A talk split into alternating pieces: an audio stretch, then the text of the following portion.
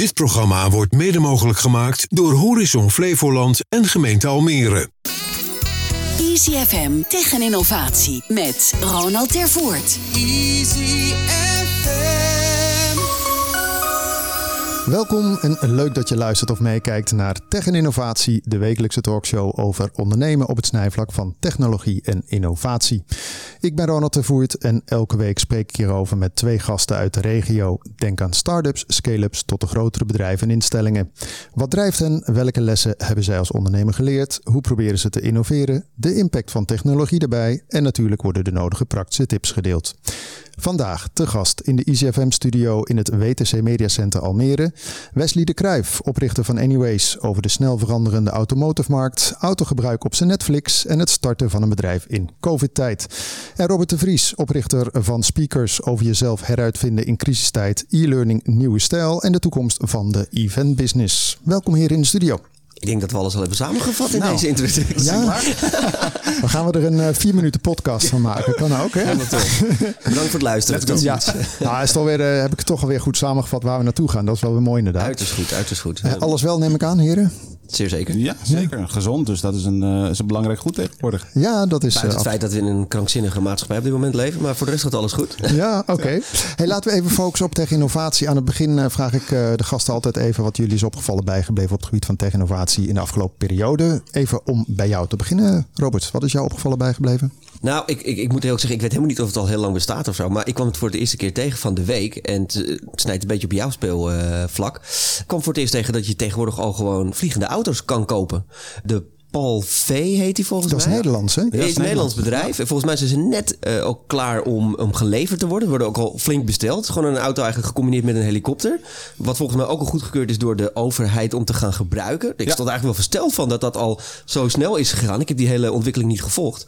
En je kan dus nu gewoon voor drie tot 500.000 euro volgens mij. Nou ja, goed. Hè? Vol reuze mee. Ja, toch? Ja. Uh, ja. Hoe heet dat? Uh, je kan dus of een Lamborghini kopen of een uh, vliegende auto. Ja, ik, vond, ik stond er wel van te kijken. En toen dacht ik van god, ga ik dan toch nog in mijn leven meemaken... dat we op een gegeven moment vanuit de file gewoon opstijgen en, en naar huis toe vliegen.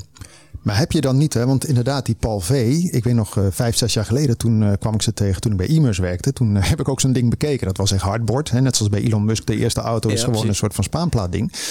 Maar toen dacht ik, nou, ik weet niet of dat zo snel gaat. Maar wat je zegt, het is wel uh, behoorlijk snel aan het gaan. Maar dat vind ik sowieso met al die ontwikkelingen op het moment. Dus dat het, als het dan geïntroduceerd wordt, denkt iedereen, ach ja, dat gaat nog, dat gaat nog een eeuwigheid duren voordat het geïmplementeerd wordt in de, in de samenleving. Maar ja, je ziet het, het, het kan al. Het ja. is zo goedgekeurd ook. Dat verbaast me nog het meest. Want hoe is dat dan? Nou ja, goed, we gaan er niet te diep op de nee, auto maar, in. Maar hoe is dat dan geregeld? Nou ja, Wesley gaat over de auto's. Die ja, denkt, shit, ik zit in die auto's. Ik moet in de vliegende zitten. Maar dat ja, voor straks. Nee, toch? Nee, nee, ja, maar goed, ik vind het ook wel heel goed om te horen dat, het, dat we niet te diep over de auto aan nee. gaan. Maar weer de beweging in die markt. Nou ja, precies. Ja. Maar, maar even naar jou, Wesley. Want, want Robert constateert iets. Hoe zit dat dan? Hè? Want je wordt dan goedgekeurd, maar je gaat vliegen. Je moet een soort van runway hebben. Het is niet dat je verticaal omhoog gaat. Is dat dan, ik bedoel, kan je dan gewoon, heb je daar een idee over hoe dat zit? Ik heb zeker geen idee over hoe dat zit. Ik, heb, ik ken de, de, het bedrijf ken ik al wel, uh, al wel langer. Ik heb ze poeh, een keer een jaar of acht, negen uh, ben ik een keer bij ze, langs, bij ze langs geweest.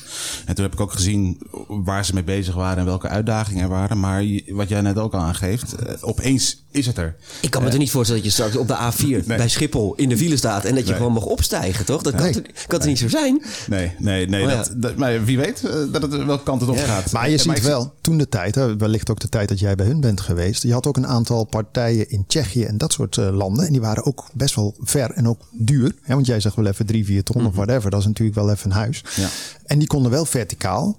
Maar ja, goed, dat was wel in de categorie dat ik dacht... Uh, als je dat voor je deur hebt staan... dan uh, mag je ook een hek eromheen gaan zetten. Hè? Kijk, 300.000 uh, euro is natuurlijk een hoop geld. Maar een helikopter ben je gauw ja. een miljoen kwijt. Weet je? Dus ik vond het in verhouding... dacht ik van, nou ja, goed, weet je, het is wel, wel heel interessant dat dat nu kan. En ook omdat er op de website staat... je in een dag les ben je klaar. Heb je, heb je je vliegbrevet, om het zo maar te zeggen. En dan kan ja. je, en, uh, ben je good to go. Ja, ik stond echt... nou ja, goed dat was mijn innovatie. Ja. Oh, maar, maar, jij spaart voor een lange opritlaan alvast. Ja, precies. Ja. nou ja, ik dacht wel als je er eentje koopt en je gaat nu uh, ritjes verhuren. Ik kan me voorstellen dat iedereen in zijn ding wil zitten natuurlijk. Echt ja. ondernemer. En trouwens, we hebben hier in de polder wel de ruimte nog hè, daarvoor. Voor, voor extra lange uh, uh, Zeker, zeker ja. Dat is waar, dat is waar. Wat is jou opgevallen bijgebleven, Wesley? Nou, ik, uh, ik, ik was nogal, nou niet helemaal shocked, maar uh, de overname van Microsoft. Activision Blizzard, wat ze overgenomen hebben voor 60 miljard ja, euro. euro. Euro, uh, inderdaad. Te bedragen ook, hè? Uh, ja, ja, dat was ook nog wel een behoorlijk, behoorlijk, behoorlijk bedrag. En ik dat, ja, dat heeft dan ook wel weer te maken met die hele Web 3 ontwikkelingen die we, die we nu zien. Hè. We zagen eerst Web 1, Web 2, nu Web 3. En ja, daar, daar gebeurt een hoop. En in Wat bedoel je met Web 3? Even voor de mensen. Nou, Web 1, uh, ja, als je het hebt over Web 3, dan heb je het eerst over Web 1 en Web 2 en Web 3. Als de, ja, tegen eind 2000 was de start van, van Web 1. Dat was het begin van internet. Je ging naar een pagina toe. Hè, en dat waren eigenlijk meer de veredelde brochures die online neer werden gezet. Hè. Dus je kon bepaalde informatie die je eerst offline zag, online bekijken. Nou, toen gingen we naar begin 2000, beetje naar de internetbubbel, naar Web 2.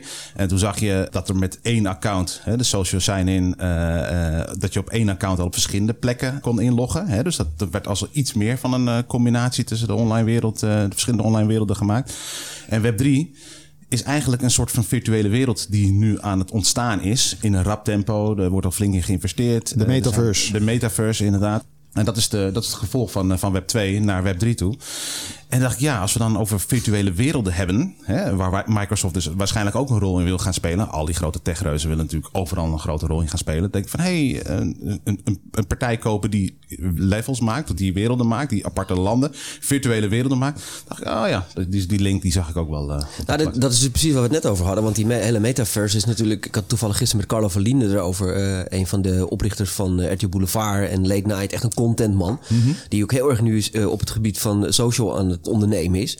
Maar ja, dat klinkt nu een beetje als van, ja, weet je, ik bedoel, ik kan me niet voorstellen dat we binnenkort allemaal met zo'n VR-bril op zitten. Ja. En dat je dan s'avonds naar zo'n meter. Maar dat, zo dachten we ook over internet. Hè? Het bekende filmpje van 1999 dat mensen op straat gingen interviewen over de mobiele telefoon. Ja, we wou ook net zeggen, ga je sms'en? Nee, waarom? Waarom ja. zou je kan bellen? Het lijkt altijd zo ver weg. Maar nou, dat zie je met zo'n vliegende auto. Het is, het is er ook heel snel. Zeker in deze tijd. Het, gaat, het, lijkt ook steeds rapper te gaan. Die, ja, dat wordt ook steeds goedkoper. Dat is natuurlijk ook het punt. Hè? Die auto is over een jaar weer dat je denkt, nou, wordt het de Tesla of een uh, Paul Veetje. Ja. Ontwikkelingen gaan ook steeds sneller. Hè. Als je het hebt over exponentiële uh, groeien, hè, gaat ook op het gebied van ontwikkelingen, gaan ontwikkelingen ook steeds sneller. Ja, correct. Dus, uh, dus dat is een super leuke tijd waar we in leven. Maar aan zich, hè, wat je net zegt over Microsoft koopt dan uh, en Blizzard, dat, die, die zag ik niet aankomen. Maar goed, nee. Facebook nee. en WhatsApp zag ik ook niet aankomen. Nee, precies. Kijk, en, en Facebook, het, en dat is wel grappig. Web 3 is meer ook van, oké, okay, we zetten de mensen, de gebruikers weer meer in, het, in, het, in de hoofdrol. En je ziet dat de techreuzen daar ook een rol proberen in te spelen. Maar goed, ja, die hebben dat spel niet helemaal mee. Want de tech willen juist grip op. Hè? De techreuzen willen overal grip op hebben.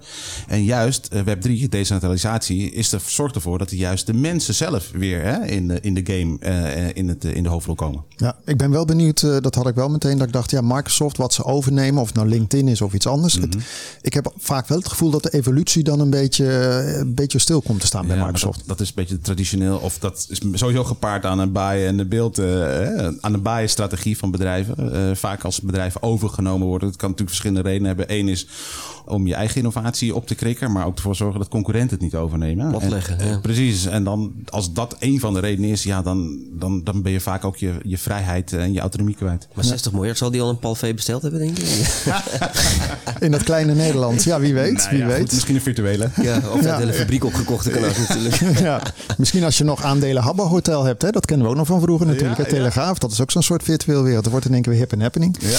Maar goed, we gaan zien waar dat inderdaad uitkomt. Leuk. Hey, even om jou uh, te beginnen, Robert. Jij hebt uh, meerdere bedrijven in de event business. Hè, van Quality Bookings, eventbureau.nl, theaterbureau tot recent gel gelanceerde speakers. Komen we straks uh, over uh, te spreken.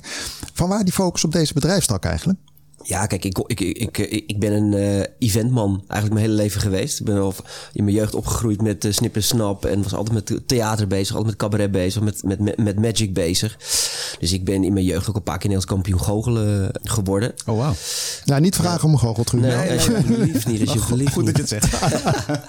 nou, en toen ben ik eigenlijk vanaf mijn achttiende ben ik gelijk het vak ingerold. Alleen het grappige was, ik weet dat, dat was nog voor de vorige kredietcrisis, zeg maar. Het was ja. de evenementenwereld echt sky high. Dus je, als je iets kon, had je het hele jaar werk. Nou ja, ik kon niet, dus ik had het hele jaar werk. Alleen al mijn vrienden die waren toen op dat moment aan het stappen. Ja. En achter de vrouwen aan aan het gaan. En ik zat elke zaterdagavond in Schuttekutteveen met een spel kaarten voor mensen op te treden. En toen is eigenlijk mijn idee van het bureau ontstaan. Want toen dacht ik van, ja weet je, als ik, ik heb eigenlijk geen zin om zelf te gaan. Dus als ik nou iemand anders verkoop, verdien ik toch nog een klein beetje geld, maar kan ik wel gaan stappen. Nou ja, zo is eigenlijk het hele idee van het bureau ontstaan. En ben eigenlijk altijd in het evenement vak gebleven. En van een, van, een, van een sprekersbureau werd het een evenementenbureau, van een evenementenbureau werd een theaterbureau. En zo zijn wij eigenlijk in alle facetten van het evenementenvak gaan, eh, gaan investeren. Ja, want het lijkt me nog wel best lastig om, uh, hè, want je hebt natuurlijk heel veel mensen die willen spreken. Hè, mensen vinden zichzelf wel snel heel goed. Zeker. Ik kan me voorstellen dat Zeker. jullie ook, uh, wat jullie ook voor mij doen, is dat je mensen ook helpt om on stage nog beter te performen. Nou ja, daar zijn we ons echt in gaan ontwikkelen. Want kijk, in het begin, toen ik net begon, was, toen was het echt de begintijd van internet. En ik was eigenlijk het eerste entertainmentbureau dat zich op internet ging gaan bevinden. Dus wij zijn eigenlijk in het begin dat enorm snel gegaan. Want dat was ook echt het kantelpunt dat voorheen gingen mensen nog naar een theaterbureau. Toen gingen ze een boekje kijken en dan zochten ze een spreker uit. Maar ineens in twee jaar tijd verschoof die hele markt naar internet. En ik was de enige met een website. Dus iedereen kwam bij mij uit. Dus toen gingen we boem. Ineens heel hard. Maar ja, toen ja, zo'n markt gaat ontwikkelen. En ja. toen kwam social media. En toen kon je elke spreker ook via Twitter gewoon benaderen. Toen uh, veranderde de functie van een bureau ineens heel erg. En toen zijn we ons veel meer gaan inzetten op carrièreontwikkeling. Dus niet, oké, we zijn een boekingskantoor, we sturen een contract en we sturen een factuur. Maar meer, oké, jij bent een spreker, je hebt ergens behoefte aan. Wij zijn slim in marketing, wij zijn slim in social, wij snappen internet heel goed. Kunnen we elkaar daarin gaan versterken? Nou ja, en zo zijn we meer aan merken gaan bouwen van sprekers dan alleen maar boekingjes uh, verwerken, om het zo maar te zeggen. Is het nou zo, hè? want jullie hebben bijvoorbeeld Duncan Stutterheim of Ron Blauw, uh, Deborah Nas, uh, die zag van de week trouwens nog op tv, de tech-innovatiedame. Ja, ja. Maar is het nou zo dat je ze dan exclusief hebt? Hè? Want ik vraag me wel eens af, je ziet ze overal langskomen, heel veel sprekers, hè, ja. die ik op al die platformen denk van ja, het is een beetje net zoals bij uh, op een gegeven moment dat je die, die multi-channel networks, weet ja. je, dan was je een influencer, maar je zat overal. Dan denk van ja, je wil wel ergens een soort van IP hebben natuurlijk. Ik denk dat ik 50 sprekers echt exclusief vertegenwoordig. Dat betekent dat dus waar je ze ook ziet staan of waar je ze ook wil bellen, uiteindelijk kom je bij ons uit. Uh, Deborah Nass is een heel mooi voorbeeld. Deborah was, uh, of is professor aan de TU Delft op het gebied van innovatie, technologie. En die kwam bij mij op kantoor en zei: Ja, ik heb een fantastisch verhaal, maar ik heb geen werk. Of tenminste, ze werd niet geboekt in, in het zakelijke circuit. Nou ja, toen hebben we, we waren omgedropt op Trendwatcher, hebben we trendwatcher.nl gekocht, heel concept opgebouwd, hele marketingstrategie, persberichten, alles erop en aan. En die staat nu, denk ik, 80 keer per jaar ergens op een podium te spreken. Um, dus dat is echt zo'n klassiek voorbeeld van, nou ja, zij hebben fantastische inhoud, wij hebben de marketing, voeg je die samen. En dan kan je, kan je sky high gaan. En inderdaad, die exclusiviteit is tegenwoordig ook heel erg belangrijk. Ja, anders ben je een van de zoveel bureautjes die een website is. Ja, dat bedoel ik. Met, wat, je, namen ja. erop. Zoals Duncan ook. Ja, Duncan is altijd mijn grote held. Nou, we hadden het in het voorgesprek over festivals. beginnen we er toch over. Ja. Uh, en Duncan was altijd mijn grote voorbeeld als ondernemer. Nou, daar heb ik heel lang op gejaagd, om het zo maar te zeggen. Om die exclusief te mogen vertegenwoordigen. Ja. Nou, dat, is, dat lukt dan uiteindelijk. Nou goed, en dan... Weet je, en zo'n man, dat werkt dan ook weer andersom. Want die neemt ook weer een hele hoop werk mee. Want die heeft natuurlijk al een bepaalde vraag vanuit de markt. Nou ja, die ja. komt dan al op je af. Plus je, je, je. En met hem zijn we veel meer gaan kijken hoe kunnen we jouw verhaal nou mooi vertellen op een congres. Want hij was niet van nature een hele goede spreker. Als je hem alleen ja. op een podium ja, neerzette. Ja, dus toen zijn we het in een soort Q&A gaan doen met filmpjes, video's, alles erbij. Nou ja, en zo zoeken we bij elke spreker een, uh, uh, nou ja, onze toegevoegde waarde. Ja, het is natuurlijk ook een beetje, hè, want uh, Duncan had voor de mensen die hem niet kennen natuurlijk ID&T, een van de oprichters. En Zeker. natuurlijk nu de, de, de Ermtoren in Amsterdam, waar mm. die in zit. Hey, want wat ik ook nog even zat te denken, ik weet nog wel dat ik vroeger ook vooral Amerikanen ging boeken. Oh, ja. En toen dacht ik wel eens van, jongens, het lijkt alsof de lottery is gevallen. Er was er zo'n professor, Scott Galloway, ik weet niet of jij hem kent. Die schrijft ook heel veel boeken, is een, op de University XI allerlei boeken geschreven. En toen had ik hem aan de lijn. Toen zei ik, joh, wat kost je dan voor een talk van 30 minuten. Zegt hij, ja, voor jou doe ik het voor 125.000. Ja. En toen zei hij, oh ja, exclusief tickets, business class. En heel, Ja, ja, toen dacht ik bij mezelf, dat doe je dus een paar keer per jaar. En dan ben je klaar. Nou, sterker nog, kijk, uh, het grappige is, is dat de uh, sprekersmarkt in elk land anders is. In Nederland is je redelijk volwassen. België mag je nog blij zijn als je een boekenbon en een fles wijn krijgt. Maar in Amerika is het door een plafond. Daar kun je inderdaad gewoon, uh, als je een beetje als spreker begint, kan je hier in Nederland 2000 euro voor een lezing vragen, om het zo maar te zeggen. In Amerika begint dat vanaf 15, 20.000 dollar. Omdat ze ook in die landen veel meer gewend zijn om gewoon 5, 6, 7 tot 10.000 dollar voor een ticket te betalen, Ja, voor ja, een event. ja, Dus de prijs ligt ook veel hoger. In Nederland word je altijd gratis uitgenodigd door de Rabobank of nou ja, de Ja. AFAS, noem ze maar op.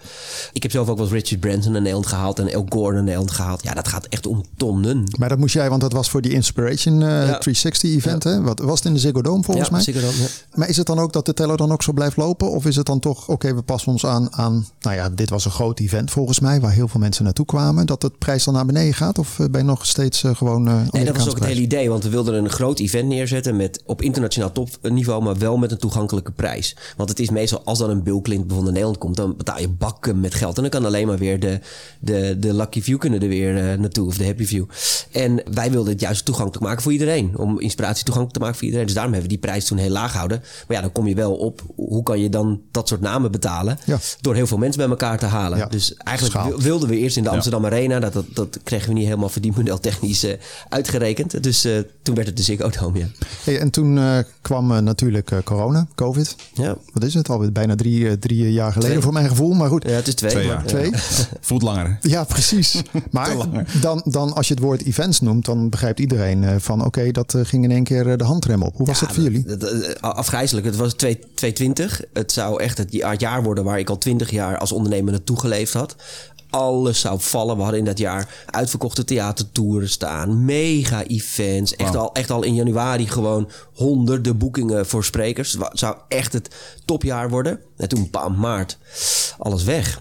En toen was nog niet duidelijk wat we aan overheidssteun zouden krijgen, hoe het zich zou ontwikkelen. Het was echt nog dat we allemaal dachten van, we gaan, de wereld gaat naar de kloten, om het zo Ja, maar te zeggen. We kennen allemaal dat gevoel wel van, van in het begin. Ja. Ja, en dan zie je ineens eh, zie je echt letterlijk je, al je bedrijven instorten. Je moest ook wel best wel snel op de eventafdeling afscheid nemen van een aantal mensen. En ja, dat, dat was echt een horror was dat. Dat was echt een horror. Maar ja, goed, ja, uiteindelijk eh, kwamen de overheidssteun. Uiteindelijk zijn we door gaan ontwikkelen. Maar ik heb wel even twee maanden... Ik had toen net een nieuw huis gekocht, dus ik ben nu twee maanden op een ladder gaan staan en mijn huis gaan schilderen. Ik- therapie. Een soort van therapie. Ja, ja, Gewoon eens goed. nadenken. Ook, ik heb, ook een stage, hè? Ja, inderdaad. Alles is een stage. ik heb ook echt letterlijk ook nagedacht van, nou ja, misschien moet ik dan ook maar gewoon schilder gaan worden, want dat kan ik best Oh ja. aardig. Ja, Die- ja. Dat, je- alles ging door je hoofd heen van, ja, misschien moet ik wel ook gewoon straks iets heel anders gaan doen. En misschien bestaat er straks helemaal geen eventindustrie meer. Maar, maar toen kwam ik wel tot een heel interessant inzicht, want toen dacht ik, eh, want ik merkte dat op het moment dat ik de hele tijd dingen vooruit bleef schuiven. Want in het begin had iedereen zoiets ah, volgende maand zal het wel weer weg zijn. Nou, en, eh, van de zomer is het wel weer weg. En ik merkte dat ik daardoor mijn creativiteit doodging. Want toen dacht ik, ik ging zitten afwachten. Ja. En toen dacht ik op een gegeven moment, toen ik stond te schilderen, dacht ik van, nou weet je wat we moeten doen? We moeten eigenlijk naar ons bedrijf gaan kijken vanuit een visie dat we ervan uitgaan dat die eventwereld nooit meer goed komt. Dus er komen nooit meer events. En dan gaat je creativiteit weer ratelen. Want ik had, ik had wel de content, ik had, wel nog, ik had nog wel 40 sprekers exclusief. Ja. En die wilden heel graag hun kennis delen, die wilden graag mensen inspireren. Nou, zo is ook het idee van, eh, van speakers dan uiteindelijk gekomen. Van oké, we kunnen het dan niet op live events brengen, de content, maar we kunnen dat wel in een digitale omgeving eh, doen. Ja, want, wat is in, ontstaan. want wat is inderdaad eh, speakers? Eh, dat is een soort van Netflix voor. Ja, als je hem heel plat slaat, is de, is de Netflix voor, voor sprekers. Dus je betaalt een, een, een x-bedrag per maand. En dan heb je toegang tot eh 100 plus masterclasses van topsprekers. Als een Duncan Stutterheim, een Ron Blauw, een Deborah Nas, Daan Rozengaarden, noem ze allemaal maar op. en, en waarom zou je dat gaan bekijken, zal ik maar zeggen? Want er zijn natuurlijk meer platformen waar je films kan bekijken van ondernemers. Ja, nou ja, waarom zou je dat kijken? Kijk, wij hebben er wel voor gekozen om content te creëren. Kijk, we hebben heel erg naar de e-learning markt gekeken. Van wat vinden we nou de goede dingen, wat vinden we de slechte dingen. En we hebben de slechte dingen hebben we aangepast en de goede dingen hebben we gehouden. Dus we zijn echt op een masterclass.com niveau gaan filmen. Dus echt Hollywood kwaliteit, maar kort. Want we merkten dat mensen wel echt op social media video's kort Nou, wat, consumeren. wat is kort dan? Nou ja, eh, waar je eh, op andere platformen 8, 9 uur door masterclasses heen moet eh, gaan. Bij ons heb je in 30 minuten de essentials. Jeetje, 8, 9 uur. Nou, als je de tijd ervoor Nou hebt, ja, dan... op masterclass.com zo'n abonnement neemt en je krijgt, krijgt zo'n masterclass, dan, dan, dan, dan zit je wel even een paar uur. Als jij bij eh, Good Habits of LOE een eh, cursus gaat volgen, dan zit je, zit je wel even achter je scherm. Bij ons gaat het om de essentials, het gaat om inspireren. Wij zitten eigenlijk voor het opleidingstraject, om het zo maar te zeggen. Maar is dan e-learning gericht op, eh, hè, want jullie zijn allebei ras ondernemers, zeg maar. Gaat het dan over ondernemen? Of hoe breed gaat dat dan? Nee, het gaat over alles. Het gaat over leiderschap. Het gaat over innovatie. We hebben alle, alle trendwatchen die jij net opnoemde, die hebben we op het platform staan. Maar het gaat ook over duurzaamheid. Het gaat ook over onderhandelingstechnieken. Het gaat ook over sales. Het gaat over marketing. En heb je dan vooral klanten eh, in, in de bedrijfswereld zitten? Of zijn het ook heel veel eh, consumenten die gewoon lekker even inpluggen? Die heb je ook wel, maar dat is niet onze main focus. Het zijn wel vooral de bedrijven als een AVAS of een eh, T-Mobile of een Rabobank. Die En die nemen dan een abo af voor x voor medewerkers of zo. En, Ja, dan, dat is wel, ja, dat is wel het idee. En dan is het ook een soort van, van onderdeel van hun werk, zal ik maar zeggen. Dat het gewoon is van jongens, je moet een paar keer per maand kijken eens eventjes. Of hè, dat is een soort van leertraject binnen Ja. het bedrijf. Ja, het is een Anders wordt het soort- heel vrijwillig, lijkt me. Eh, ja, maar kijk, die, eh, Kijk, dan gaan we wel heel diep op de e-learning markt in. Maar die e-learning markt is vooral, uh, wordt gedomineerd door de, de LMS-systemen. Uh, hoe heet dat? Die maken eigenlijk een soort mix van alle e-learning dingen die er zijn in de markt. En die maken dan een soort maatwerk learning traject voor het bedrijf. Nou ja, daar ben je dan een onderdeel van. Oké. En waar wordt die content dan opgenomen? Is dat, gaan jullie dan naar de spreker toe? Of, of... Nou, we hebben, we, we, hebben daar heel erg mazzel mee gehad. Ja, kijk, dat zijn nou de kansen die dan een crisis zogenaamd bieden. Ja. Uh, wij zijn daarmee begonnen twee 20 oktober volgens mij. Dat was echt toen die keiharde lockdown kwam en dat de hele wereld op slot. Toen hadden we avondklok, al die, al die gekke dingen allemaal. Ja. En toen hebben wij gezegd, oké, okay, boem, we gaan ervoor. Uh, ik, heb, ik doe dat samen met uh, een van mijn beste vrienden, Arjen Brokking. En we, hebben we hadden alle twee nog wat geld over. En uh, al 20 jaar vrienden, dus we dachten, nou, nu durven we het wel aan om een bedrijf te beginnen samen. En toen zijn we begonnen. En toen zeiden eigenlijk alle sprekers zeiden gelijk van ja, we doen mee. Nou, toen zijn ja. we drie maanden lang in Salentijn in Nijkerk gaan zitten. Die stond leeg, want daar ja. zijn normaal gesproken events nu niet. Nee. Dus konden we voor een redelijk normaal bedrag konden we daar zitten. Toen zijn we drie maanden lang zijn we geschieten. Elke dag drie, vier sprekers.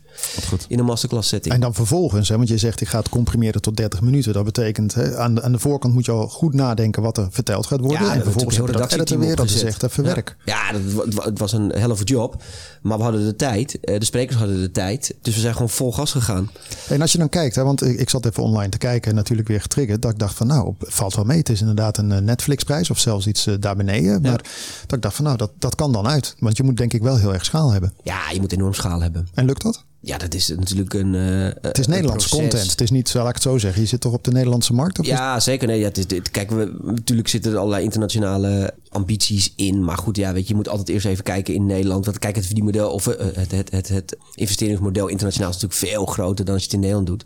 Het is nog geen gelopen race. Uh, en we zijn heel erg aan het onderzoeken waar zit dan onze markt, wie, wie, wie haken eraan.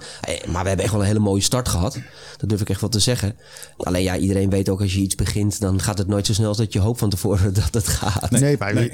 maar jij bent begonnen in juni 2021, heb ik hier opgeschreven. Klopt. Dus, dus ja, dat, nee, dat we zijn, we zijn pas net onderweg. Dus, uh, en we hebben echt een paar hele mooie bedrijven die al uh, hebben toegezegd. En we merken ook dat het, dat het nu langzaam in een, in, een, uh, in een groei zit. Maar het is heel erg ontdekken, het is zoeken, het is die website optimaliseren. We hebben een hele eigen software systeem ja. aan de achterkant zitten. Nou, jij weet ook alles over software. Dus dat is echt dat is een helft job om dat eindelijk uh, helemaal klaar te krijgen, werkend nou, te ja. krijgen. Nou ja, goed, jullie kennen alle dingen. Maar moet je dan veel wel, marketing doen? Het zou wel interessant zijn. Ja, als, als, maar, ja, Zo even die markt pakken we daarna. Ja. Maar moet je veel marketing doen? Dan, uh, ja, wij veel marketing doen. Ja, maar dat is echt digitaal. dit soort platformen moet je 28 keer voorbij zien komen. En dan denk je, oké, okay, ik ga een abonnement nemen. Ja. Dus je moet heel veel investeren in marketing. Veel meer dan we hadden van, verwacht van tevoren. En doe je allemaal uit eigen gelden? Dat doen we allemaal uit eigen gelden. Ja. Okay. Ja, nee, ik vroeg me af, want als je content opneemt en je maakt het Engels, dan is het al snel, hè, ook internationaal. Uh, ja. en, en, ik kan me voorstellen dat een Duncan Stutterheim, die ook best wel internationaal uh, naam heeft, ja.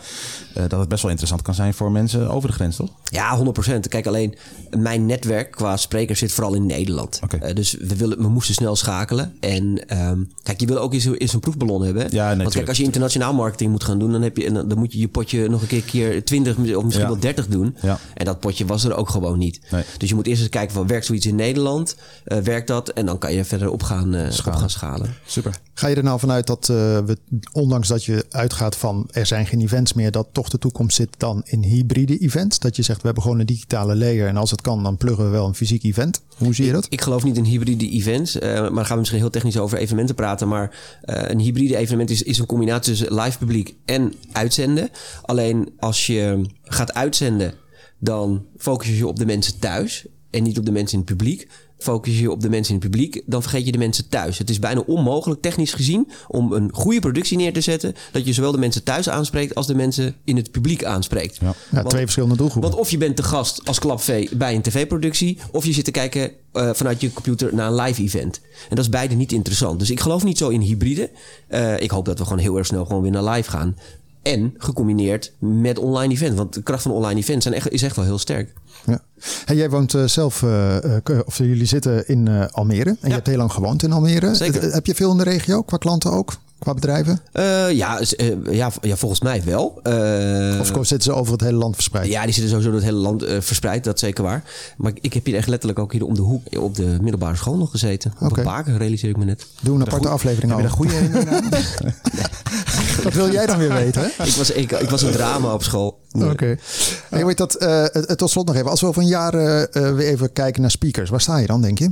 Want het is altijd lastig, hè? De vliegtuigjes gaan snel, maar ik bedoel, dit gaat misschien ook heel snel. Oh ja, ik ben er nooit zo heel erg mee bezig. Maar ja, ik, ik hoop dat we dan eh, richting de 10.000 eh, abonnees zijn. Oh, lekker. Want hoeveel, hoeveel zit je nu? Kan je er iets over roepen? Of, eh? Nee, dat, ik heb echt geen idee, maar een, een, een paar duizend. Dat is een goed teken als je het niet meer weet. Ja. Nou ja, of juist niet. Of heb ik, niet ik ben, ben misschien niet goed het Oh, we gaan wel een paar eh, dingen aan raken, zo lekker. Maar Wesley, eh, even Yes. over naar jou. Want jij, eh, eh, jij bent founder van Anyways. Dat heb je in november 2020 ook lekker midden in eh, COVID-tijd eigenlijk. Ja, hè? Net ja. eh, in die lockdown waar eh, Robert het over heeft. Precies. Een online platform waar je auto's kunt huren om het even heel simpel te houden. Toen dacht ik even, wat maakt jullie nou anders dan bijvoorbeeld een Hertz of MyWheels? Of gisteren zag ik nog een Link Co rijden, zo'n Ja. zo'n Chinees merk die je kan huren. Ja. Kan je even ons eh, meenemen? Jazeker. Als je nu kijkt naar de, de, de, de markt eh, en de manieren hoe je een auto kan rijden. Hè, dus dan heb je helemaal links, op de meest korte manier is short, is rental. Dat het zo kan auto pakken natuurlijk. Eh, veel in de stad zie je ook autootjes staan die, je die je kan pakken voor een paar uur. Ja, de deelauto's. De deelauto's, inderdaad. Sharing en rental. Eh, als je helemaal naar rechts kijkt, naar de meest traditionele vorm van, eh, van ownership. Dat is echt een auto kopen en dan heb je het over vijf plus jaar. Eh, als je iets meer naar links toe gaat op de tijdlijn eh, van, eh, van duration van, eh, van gebruik, dan eh, heb je een short lease. Heb je daar eh, als mogelijkheid. En eh, wij zitten daar eigenlijk precies middenin. Hè, als subscription-based eh, model. Dus een auto die bij je past, die past ook bij jouw levensfase waar je in zit. Dus daar zit, wij zitten daar precies tussenin. Maar jij, eh, want je, bij jullie kun je een auto huren. Nou, Dan denk ik, ja, dat kan je bij een deelauto ook. Of dat kan je bij Link Co. Kan je ook maandelijks eh, Ja. Ja, bij, verlengen. ja, zeker. Bij een huurauto is het, eh, is het niet jouw auto. Het, het voordeel bij ons is, het, het is jouw auto, maar het is niet jouw auto. En dat zal ik even uitleggen. Want eh, het, het, het, je betaalt een vast bedrag per maand eh, voor een gebruik van een auto. Maar wij leveren de auto, als je hem besteld hebt, binnen een paar werkdagen voor je deur af. Dus die hoef je met niemand te delen. Het is jouw auto die bij je past. Eh, we hebben een minimaal termijn van één maand. Hè, dus, en na die ene maand kun je hem opzeggen wanneer je wil. En dan kom je weer ophalen. Dan komen we weer ophalen. Of je levert hem in op een locatie eh, die we van tevoren met elkaar hebben afgesproken. Maar je kan ook switchen van segment. Hè, dus als je zegt van nou, ik, eh, normaal ben ik oké met een stadsauto. Hè, want eh, ik, eh, ik gebruik hem voor wonen, wonen, woon-werkverkeer of voor boodschappen.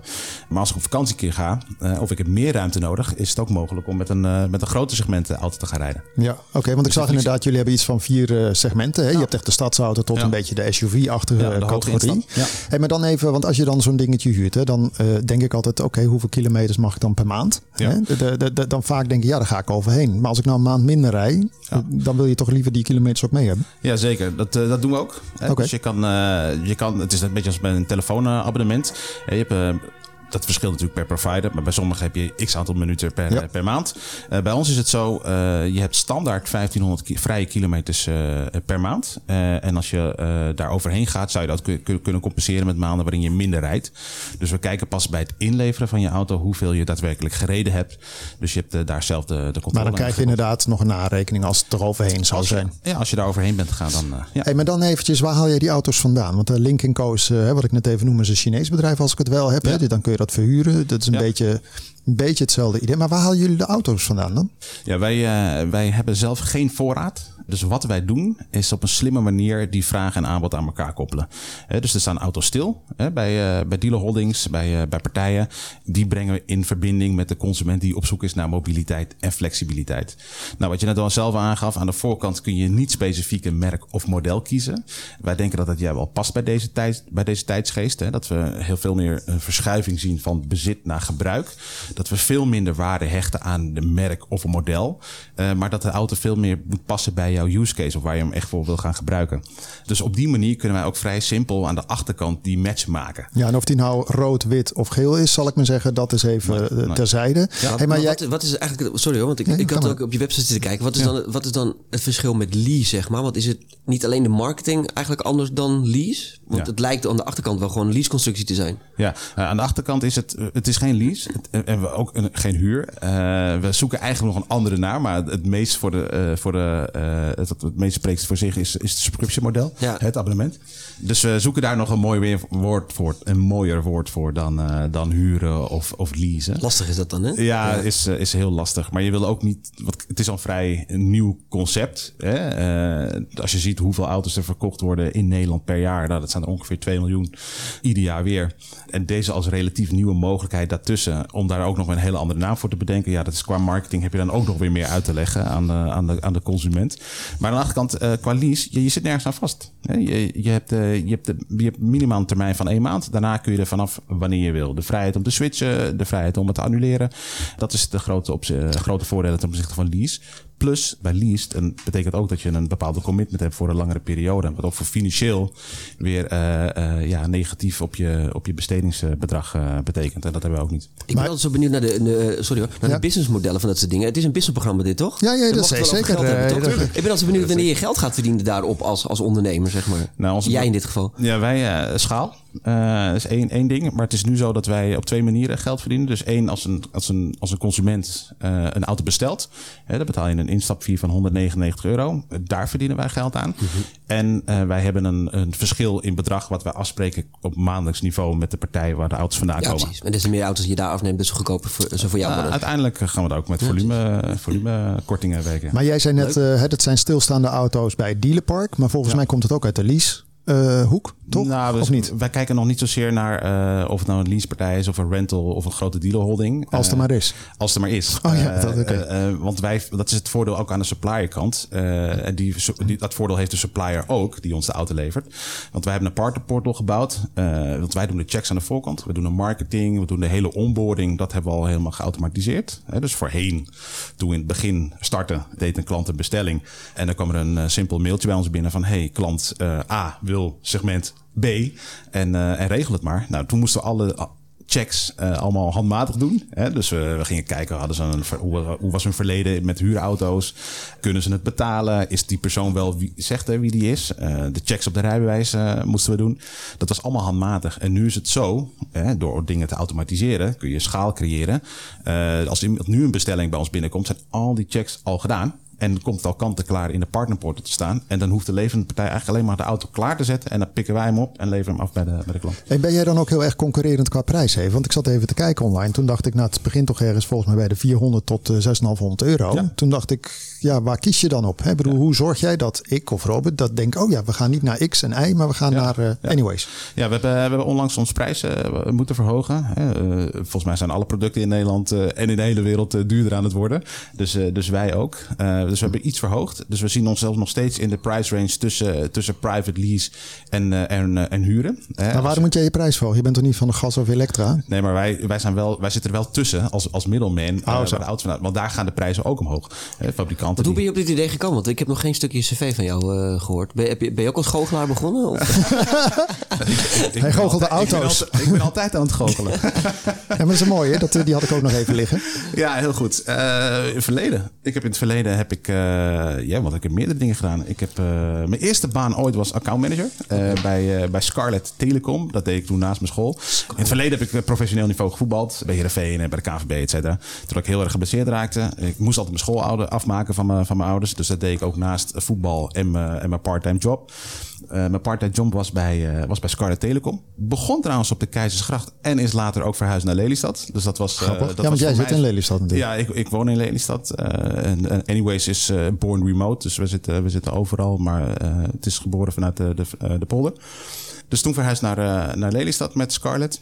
Dat was in de tijd met Van Boven Ervendorens. Ja, dat, dat zat ik al te denken net. Ja, die, die reclames. Ja. Hè, dat hij met zijn cowboy laatst op tv stond van oh, laat je niet uitkleden. Ja. Uh, dat is wel een, een, een eikpunt voor mensen. Na, na mijn school heb ik daar... Uh... We, gaan niet, we gaan niet elk jaar doen, hè, want dan zijn we straks uit de tijd. Maar jij bent op een gegeven moment wel in de autobusiness. Want jij, dat vraag je je af. Je bent uh, met Mark Joosten van Funda. Ben je volgens mij Auto.nl, of dat heette eerst anders. Jazeker. Online verkoop van auto's was dat. dat was echt... Goeie, laat het bij de auto's houden. Had je die domeinnaam nog liggen of heb je hem gekocht? Nee, dat kan ik vertellen. Ja. Um, Jij staat heel veel vragen. Even wacht eerst oh, aan. heel goed hoor. Volgens mij maar drie kwartier. Maar ja, ja, ja, maar ik denk, je moet toch even ik weet niet hoe de rest van je dag, uh, hoe, je, hoe de rest van je dag is. Nee, ik denk er gaan er 8, 9 uur en dan editen we het na 30 minuten. nee, dat gaan we niet succes. doen. Ja, nee, uh, inderdaad. Ik heb Mark uh, Joost en Marijn Pijnenborg leren kennen in de tijd dat ze met Funda bezig waren. Toen zij weggingen bij Funda hebben ze Zomoto gestart, hè, een occasion platform. Toen hebben ze mij benaderd van, hey, heb je iets met auto's? Ik zei niet zoveel, maar het lijkt me wel heel gaaf om met jullie samen te werken. Het is occasion platform, businessmodel is advertising. Zomoto alleen was daar te klein voor. Samenwerking gezocht met Autoblog, Autoblog GP Update, Flitsmeister. Dus allemaal automotive gerelateerde titels om bereik te creëren. Uiteindelijk naar 8, 9 miljoen uniek per maand. En toen we daarmee bezig eh, waren en Mark altijd riep, joh, we kopen altijd alles online, maar nog geen auto's. Waarom geen auto's? Toen was er een jongen in het noorden, die had de URL auto.nl geregistreerd en die bood die aan. Dus die is toen gekocht en toen zijn we eigenlijk als een van, eh, ja, als een van de eerste in de wereld eh, een webshop begonnen om direct auto's online te verkopen. Wat tof. En daar heb ik heel veel learnings op, op gedaan op het gebied van marketing, product. Hè? Dus hoe bouw je nou zoiets? Wat voor marketing moet je doen? Hoe moet je dat insteken?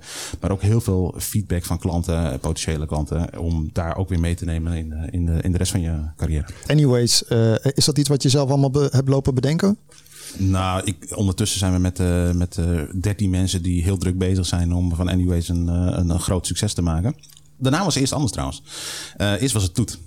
T-O-O-T. En Van Toet die- Toet. Ja, precies. Oh, ja, ja, ja inderdaad. En toen, toen we die merknaam wilden registreren, Europees, toen zagen we dat de GVB in Frankrijk alles omtrent Toet had geregistreerd. En toen dachten we, oh, en overleg met de advocaat van, Misschien niet, niet verstandig. Pick your battles. Pick your battles. niemand, niemand kent je nog. Dus als je je naam wil veranderen, doe dat dan nu. Eh, dus toen is het eh, anyways, eh, anyways geworden. Maar als je dan zegt anyways, dan denk ik, oh ja, wacht, Any, Any Mobility ongeveer. Dus dan begin je met de auto en dan kunnen we zo eh, ook andere Ja. vervoersmiddelen Ja, erachter koppelen. Ja, ja, scherp. Eh, V. bijvoorbeeld. Ja, die Any Paul V. Ja, jongen, echt. eh, dat is wel een leuk PR-dingetje natuurlijk om daar iets mee te doen. Maar het is wel lachen. Nee, maar ik bedoel, dat is uiteindelijk denk ik wel de ambitie. Dat je gewoon breder gaat Ja, dan. ja. Hey, even een paar dingen voordat we inderdaad, want de time is ticking. Eh, we hadden net even over het aantal eh, klanten die aan de zijde is. Hoeveel, hebben jullie ongeveer nu dan? We zijn, eh, dat, toen we de naamwijziging hebben gedaan, zijn we in mei heb ons persbericht gelanceerd. Toen hebben we verteld dat we, dat we er waren, hè, dat we Anyways eh, is geboren.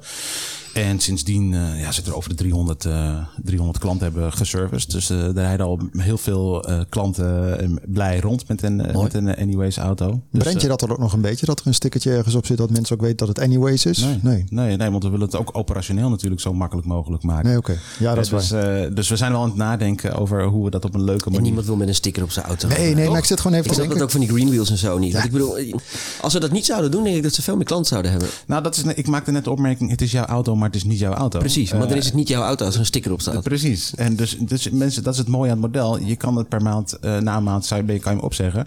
Maar we zien de gemiddelde dura de duration, hè, wat een belangrijke KPI van ons ook is, ja, die groeit nog steeds. Eh, en die is, eh, dat zit op een heel mooi punt. Dus daarom willen we het wel het gevoel geven aan de mensen dat het jouw auto is. Alleen het ownership, hè, dat is wel een andere mindset dan voorheen. Dat je een bedrag moest uitgeven, een flink bedrag uit moest geven om een auto voor jou op de stoep te hebben. En dat- 100%. Ik snap dat ook met autodealers niet. Als je dan, dan krijg je een leenauto mee en dan staat die vol met stickers. Doe alsof je daar klanten uit gaat halen uit die stickers. Ja. Maar en, en, en ik moet bij mijn klanten aankomen met een bestikkerde auto. Ik, vind dat echt, ik snap dat nooit. Nee. Ja, en- en, en er het- is nog veel te, veel te winnen, zeg maar, in deze markt. En, en als je kijkt, hè, want dan denk ik van wij hebben het hier nu over. eh, maar voor heel veel mensen is bezit toch nog altijd wel eh, nummer Ja. uno. Ik bedoel, eh, waar ik woon is het al omdat je autodelen al veel eerder is. Hey, even een paar dingen. Ehm, want jij, zag ik online, heb ook niet de minste investeerders weten te overtuigen. Hè. Je hebt eh, Nalden onder andere van WeTransfer, GitLab tot Horizon Flevoland hier eh, eh, Ja. aan boord. Oh, jij wel? Ehm, Ja? Jij wel? Ik Jij wel. Oh, jij, jij, moet ook nog even langs. Jullie moeten uitwisselen. Denk. Maar, ehm, want voor mij heb je, heb je, hoeveel heb je opgehaald tot nu toe? Ja, we hebben in september eh, vorig jaar hebben we onze pre-seed ronde gesloten. Hebben 700.000 euro opgehaald. Bij onder andere ja, de founder van WeTransfer, Nalde, eh, Job, eh, CEO van Remote. eh, die voorheen ook bij GitLab, eh, GitLab zat, maar zeker ook niet in de laatste plaats Horizon Flevoland. Ja. Eh, en ga je nu weer veel meer geld ophalen? Want het is waarschijnlijk wel zo'n ding waar eh, burning, eh, ja. burning the money. Nou, het- het bedoel is, het bedoel is om een predictable business te bouwen. Hè? Dus een voorspelbare business te bouwen. Eh, en daar is geld voor nodig. We zien de potentie, eh, we, zien de, we, zien de, we zien de vraag. En we hebben vooral de ambitie ook om door te groeien. Dus ja, daar is geld voor nodig. Dus we zijn, eh, as we speak, ook weer bezig met de volgende ronde om geld eh, op te halen inderdaad. En dan eh, misschien tot slot ook even. eh, jij gaat waarschijnlijk flink op de marketingtrom eh, trommelen dit jaar. Nou, slim, slim, slim op de marketingtrommel Slim. eh, rommelen. En wat houdt dat in? Eh, dat we heel gecontroleerd willen groeien. Wat ik net aangaf, we willen voorspelbaar groeien. Dus wij, als je ziet hoeveel wij aan marketing uitgeven, dat is heel, dat, dat is heel weinig. En dat valt helemaal in het niet bij de merken die jij net zojuist, eh, zojuist noemde. Ik denk dat wij een paar dingen heel goed moeten worden. Dat is in growth. Dus hoe kunnen we kapitaal efficiënt groeien? Dat is deels ook door een super customer experience te bieden. Wat mensen doorvertellen en zeggen van... hey, heb je wel eens van Anyways gehoord? Dat is een belangrijk item. Eh, product. Dus hoe kunnen we alles schaalbaar maken en alles automatiseren om het schaalbaar te maken? En eh, drie is de customer experience te bieden waar mensen blij van worden. Dus dat zorgt er allemaal voor dat we kapitaal efficiënt kunnen groeien. Dus we gaan wel wat meer geld uitgeven aan marketing, maar nog steeds niet heel veel. Hey Robert, volgens mij kan je Wesley ook inhuren als spreker. Ik, uh, ik merk het inderdaad. En je bent zo door je 30 minuten heen, denk ik. hey, heren, we zijn weer richting het einde van het programma. Dan gaan we altijd eventjes de week in kijken. Uh, waar verheug jij je op komende week, Robert? Uh, ik heb een nieuw huis, dus ik uh, ben vooral bezig met uh, kastjes in elkaar zetten. Je bent aan het herschilderen, weet het? Eerst nee, was niet goed. gelukkig niet, oh, ja. maar we moesten wel het kastje in elkaar gezet worden en zo. Dus ik heb ook okay. overal bondjes zitten op mijn handen. Lekker ja. klussen. Lekker klussen. Oké, okay. hoeveel mensen heb je nu trouwens op de vloer lopen voor speakers en alles bij elkaar? nu tien. Oké. Okay. Ja. En dat gaat straks weer een beetje goed. voor corona. Oké. En jij Wesley, waar verheug jij je op komende week? Uh, nou, we zitten, het is vandaag, wat is vandaag? Is vandaag donderdag, hè? Ja. Ja, uh, nou, het is al bijna weer uh, bijna weekend. en ik moet zeggen dat we met remote werken van, van, van meeting naar meeting gaan. Van en jij werkt ook gewoon in het weekend volgens mij. Dat zo, zo... ja, ja, ja. Dus ik, ja, zeker. Waar ik me vooral op verheug is dat ik zaterdag pannenkoeken ga bakken met mijn dochters. Oh, kijk, maar nou, kijk, dat is mooi, hè? De kleine dingen die het, het toch weekend doen. moet je altijd zo min mogelijk werken, heb ik altijd geleerd. Ja, ja zeker. Ja, proberen, proberen. Ja. Wesley de Kruijf, oprichter van Anyways en Robert de Vries, oprichter van onder andere Speakers. dank jullie hartelijk voor de komst naar de studio en dat uh, prettige gesprek. Graag gedaan. Jij bedankt uh, voor het kijken, dan wat luisteren naar dit programma via EasyFM of je favoriete uh, videoplatform. Onder andere ook Het Kan in Almere. Wil je ons bericht sturen over tech of innovatie? Mail dan naar redactie.easyfm.nl. Een hele fijne week verder en tot de volgende keer. Dit programma werd mede mogelijk gemaakt door Horizon Flevoland en gemeente Almere.